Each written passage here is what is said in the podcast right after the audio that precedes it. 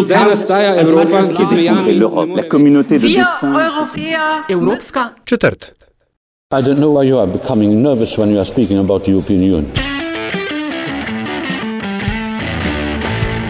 Spoštovane in cenjeni, dobrodošli v podkastu Evropska četrt, podcast o vsem, kar vas bo zanimalo o Evropski uniji, pa niste vedeli, koga vprašati. Evropsko četrt vodi vam Nataša Briški, Metina Lista in Aljaš Pengovitenc, Radio Chaos.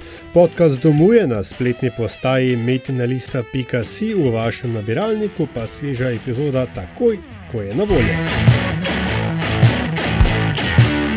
Evropske parlamentarne volitve so se izkazale za odlično priložnost, ko gre za medijske projekte preverjanja dejstev. Kar nekaj jih je, ki preverjajo, koliko je plevela in koliko resnice v izjavah vidnejših politikov in političark, ki nas prepričujejo, naj volimo za nje. Neja, oziroma Neja, je projekt slovenske tiskovne agencije, o katerem govorimo v tokratni epizodi Evropske četrti.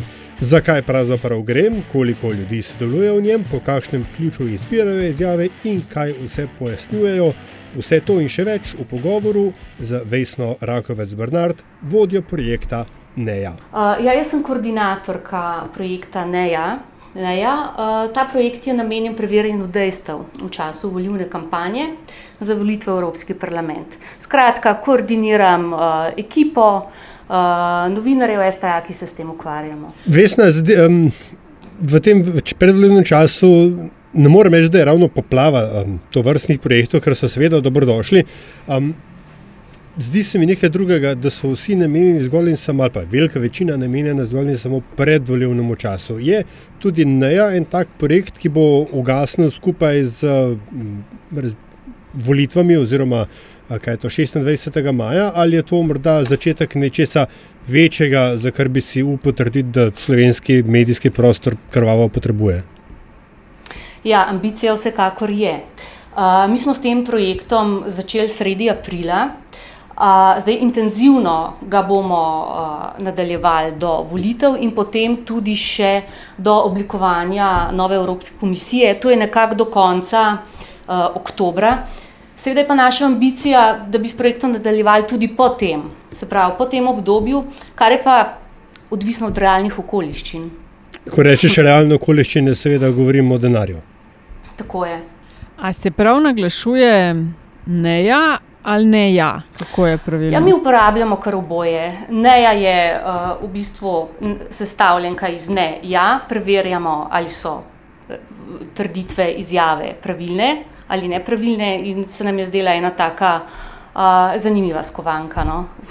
Mal me spominja na vse. Um, Virtualne asistentke, vide in ne vem, kaj so že bile, ki so tudi uh, krožile po slovenskem spletu. Ljubko se mi zdi. No?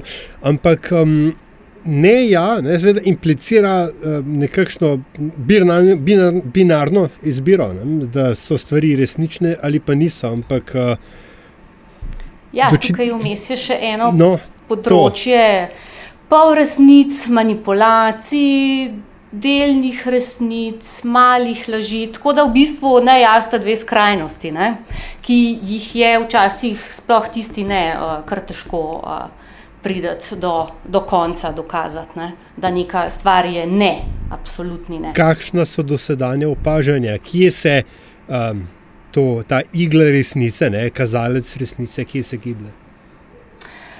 Ja, imamo kar nekaj, uh, ne, kar nekaj uh, trditev, ki ne držijo. Uh, nekaj jih tudi drži, ampak je pa to polje vmesne, um, ki je kar zelo široko. Um, v bistvu je tako, ugotovitve prvih dveh tednov kampanje so, da so kandidati, predvsem soočenih, postali zelo previdni. Se je pa pokazalo, da prav kandidati za evropske poslance, ne samo drugi politiki, ne poznajo najbolj ustroja in delovanja Evropske unije, kjer največ lahko trditev uh, označimo za nepravilnih, da ne držijo.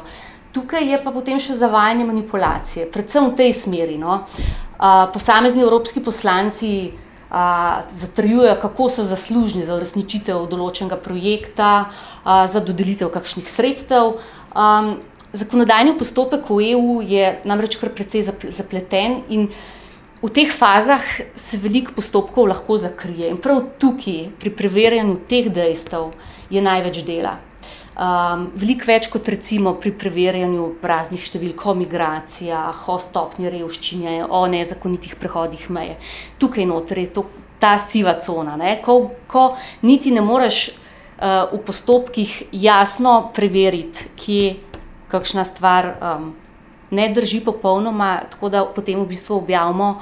Uh, to našo nalepko drži, uh, delno drži. Ne? ne, ja, torej kot razbijalka mitov na spletni strani, posebnem zavihku ali pa podlistku STA-ja, imate neja preverja, neja pojasnjuje, neja brska. A lahko poveš malo, kakšne so razlike med temi tremi? Uh -huh. uh, ja, neja je razdeljen v tri sklope. Uh, projekt neja je razdeljen v tri sklope. Uh, Ta prvi sklop, ki je nekako najpomembnejši, je preverjanje tr pravilnosti trditev, izjav v času pred, eh, pred volitvami. Um, in v bistvu drugi sklop je pa razbijanje mitov, kot naprimer. Vem, ali bo Bruselj določil, kateri uradni čas bomo imeli v Sloveniji. Potem uh, ustrajno kroži mit v Sloveniji, da v Bruslju določajo velikost, obliko sadja, zelenjave. Recimo v Sloveniji poznamo predvsem ta mit, Kumarica, tako prepoved ukrivljenih kumar. Skratka, to je ta drugi sklop, uh, razbijanje mitov.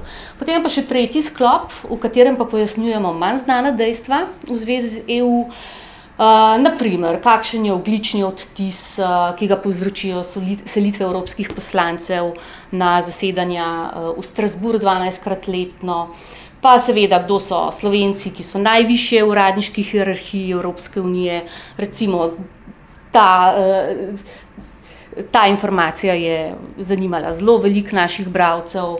Um, skratka, ali ste vedeli, da so Evropske volitve druge največje na svetu, take, take zanimivosti? No? A lahko že rečete po odzivih vem, bralstva, čeprav zdaj STA je, je platforma, za katero plačuješ naročnino, pa predvidevam, da so v glavnem vaši naročniki in naročnice, profesionalci v poslu, ne? novinari, mediji, uredniki, je to verjetno tako. Ja. Uh, Kakšni so odzivi zdaj, na, na katere objave, ki ste jih delali? So mogoče najbolj intenzivni odzivi bralstva, govorim zdaj splošnega? Ja, odzivi na splošno no, so tako pohvale kot kritike. Prvih je bilo sicer doslej več, tako strani novinarjev, predstavnikov nevladnih organizacij. Um, je pa zanimanje tudi širše javnosti, kar veliko, kar dokazujejo ti predstavitveni filmčki na uh, družbenih omrežjih, ki imajo kar visok, kar velik domet. Uh, več kot 10 tisoč uh, ogledov, recimo, ima posamezen filmček. Um, je pa kar nekaj kritik iz cehovskih vrst. Seveda je vsekakor vedno mogoče ne, neko zadevo narediti boljše. Uh, ne na zadnje, gre za nov projekt, uh, mlad projekt, izboljšave so možne, ampak vedno bojo kritike, predvsem strani novinarjev, mi smo kar znani po tem, da bi neko stvar, ki jo delajo drugi, sami zagotovo naredili boljše. V kateri smer pa gredo te kritike? Uh, predvsem ugotavljanje to, da uh, če že preverjamo dejstva, ne, ja, zakaj imamo tukaj to umestno polje. Delno drži. Zakaj ne povemo jasno, da nekaj drži ali ne drži. Ne?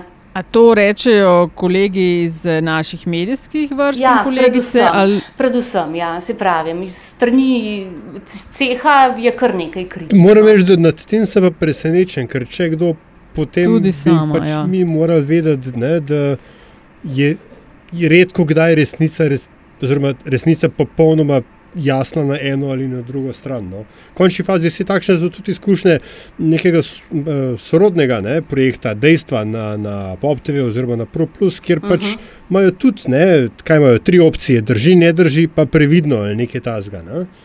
Uh, Tako je, ja, mi imamo teh opcij še več, ne, ne. imamo drži. Uh, ne drži, potem imamo drži, ampak ne drži, ampak delno drži, težko mm. preverljivo. Ne? To me zanima. No? Um, na podlagi česa se odločite, da boste nekatero določeno um, izjavo, številko, trditev, karkoli preverjali? Imate nekaj, kaj je to nek objektiven set kriterijev ali je to nekaj, kar se tisti teden recimo dogaja?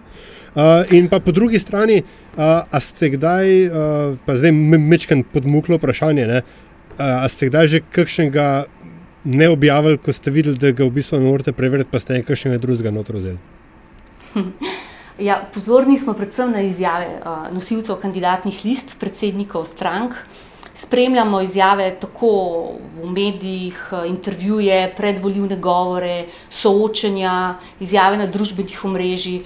Skratka, en širok spektr uh, področji medijev, pri selekciji pa zasledujemo osnovna novinarska načela, seveda. Izbiramo tiste izjave, ki imajo veliko težo, ki so družbeno relevantne, odmevajo v javnosti, ki so, ne vem, trenutno so to uh, po dogodkih prejšnjega tedna migracije. Tako da smo mogoče potem bolj pozorni na te najbolj aktualne zadeve. Koliko jih pa imate, recimo, je kakšen cilj, ne vem, želimo jih pet ne. na teden ali ne vem, kako uh, gre? Imamo eno kvoto, ne vem do 5, 3, 5 na teden, ampak v bistvu so se nam ta, te načrti že kar prvi teden podrli, ker je bilo tega veliko. Uh, v bistvu je tako, ekipa je mehna. Um, projekt NAJA smo štirje novinarji. Uh, v ožji ekipi seveda sodelujejo tudi z idejami, tudi drugi novinarji STA-ja, uh, z različnih področji, vsi imamo našpičena ušesa. In v bistvu, ker smo res mehna ekipa, moramo narediti malo selekcije, česa se bomo lotili, ker včasih to preverjanje zahteva kar veliko angažmaja in veliko časa. Koliko vam je, recimo, koliko je bilo nekje uh, najhitreje ali pa najdlje, kar vam je vzela kakšna analiza? Ja, kakšna analiza je trajala tudi kakšen teden. Sicer pa kakšno izjavo se da, pa predvsem številke, recimo, kakšna, vem, kakšna stališča se da zelo hitro preveriti, uh, tudi v roku ene ure, dveh ur. Ne. Predvsem, predvsem je tukaj treba pridobiti um, en uh, relevanten vir, odkje uh, smo to preverjali. Ne? Zdaj, um, STA je po vseh slovenskih medijev pač, uh, tako zelo unikatna, ker je v resnici tisti vir, kateremu nas večina ali pa vse večina, kakorkoli pač gre ko je treba kaj preveriti, kaj povzeti. Ne? A je bila STO tam, kaj je STO tam napisala, itd. itd. Človek bi mislil, da imate že sami vi ta, ta, to ogro, ogromno količino podatkov, na katero se lahko zanašate pri, pri uh, preverjanju teh stvari. Ja, sej, uh, med viri navedemo tudi velikrat naše, uh, naše prispevke. Ne? Ker imamo zelo močen arhiv, zelo dober arhiv, tako da je zelo veliko stvari. Ja, pri nekaterih stvarih se lahko zelo dobro zanesemo mm. na naše, uh, naš servis. A sem prav opazila, Vesna, da se predvsej povezujete tudi z drugimi mediji ali pa delite objave, ki so na podobno temo, se pravi, nekakšno preverjanje dejstev in Evropska unija, ki so jih morda kje drugje opravili. Tako je. Mi objavljamo tudi sorodne vsebine partnerskih medijskih hiš. In to je v bistvu dodana vrednost našega projekta. Nekako smo stičišče, preverjanj, fact-checkinga, preverjanja dejstev uh, trenutno pred evropskimi volitvami. Imamo objavljenih že kar nekaj, nekaj vsebin drugih medijev, um, tako da je naša spletna stran uh, nejastafi.si že kar obsežna. No? Um, Winston Churchill, menda je bil on, ne? čeprav mu pripisujejo cel kup uh, citatov, je nekoč rekel, da, si, da je lažje sedemkrat obkroži svet, medtem ko si resnica šele na tikah lača. Uh, po drugi strani pa, ko smo se točno o tem z Natašo pogovarjali z eh, šefom eh, FactCheck EU projekta, je pa rekel, uh, da je pa v Evropi ravno obratno zaradi um, jezikovnih barijer, ne, ker je toliko različnih jezikov in uh, toliko različnih publik, da se da včasih uh, z pojasnilom ali pa nekim fact-checkingom, v bistvu celo dosežeti več, uh, več publike, kot uh, bi jo dosegla originalna objava, bodi si resnična, bodi si neresnična. Um, Imate že kaj izkušeno to temo, oziroma kaj, ti, kaj ti o tem misliš? Preverjanje dejstev v Sloveniji uh, je v bistvu še v povojih. Uh, nekateri mediji so se tega lotili, vem, da pred prejšnjimi volitvami, lanskimi državno-zborskimi volitvami, Tako da v bistvu, koliko deleč, kam nas bo to, koliko deleč bomo to pripeljali, bomo še videli. Jaz se pravim, mi imamo ambicijo to delati uh, tudi po uh, oktobru, vprašanje pa je, kakšne bodo realne okoliščine takrat za to. Mm -hmm. uh, še mogoče tole za konec, Vesna. Zakaj ste se tega lotili uh, in kaj je pravzaprav cilj teh analiz? Kaj želite doseči?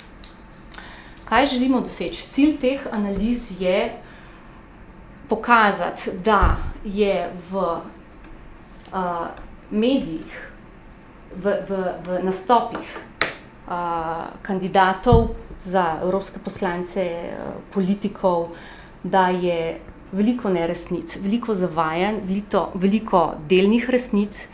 Uh, in mediji, javnost smo kar precej nekritični do tega. Uh, v poplavi vseh novic uh, je tega res veliko in nismo pozorni, postali smo, posta, vse, kar vse kupimo.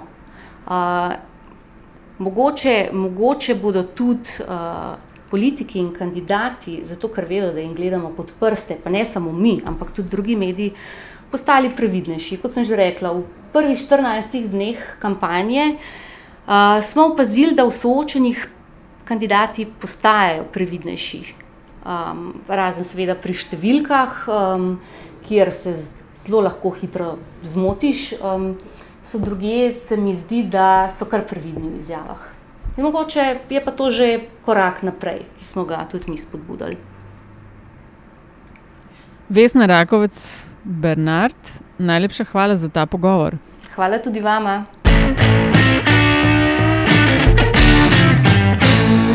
Uvednost in ravnanje.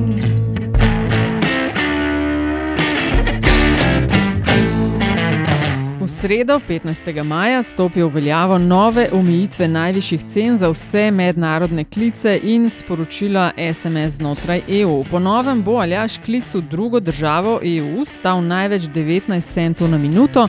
Plus DDV, sporočilo SMS pa največ 6 centov plus DDV, sporoča Evropska komisija in kmalo bo tako tudi na Norveškem, Islandiji in v Liechtensteinu. Nova ureditev, s katero se odpravljajo velike razlike v ceni, ki so doslej obstajale med državami članicami, bo veljala zgolj za osebno rabo, za poslovne stranke pa ne, saj ima za nje več ponudnikov že vzpostavljene posebne ponudbe.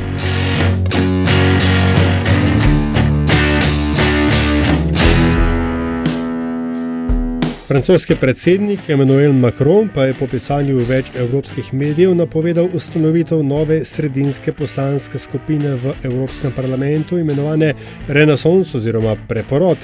Nosilka Macronove kandidatne liste v Franciji, Nathalie Loziu, je v soboto v Strasburgu napovedala, da bo nova parlamentarna skupina štela okoli 100 članov.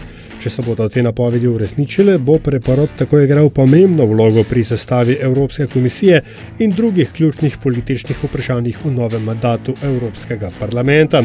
Macron je k sodelovanju povabil liberalne stranke iz številnih evropskih držav, tudi iz Češke, Nizozemske, Luksemburga, Avstrije in Nemčije, pa tudi iz Španije, Italije in Mačarske.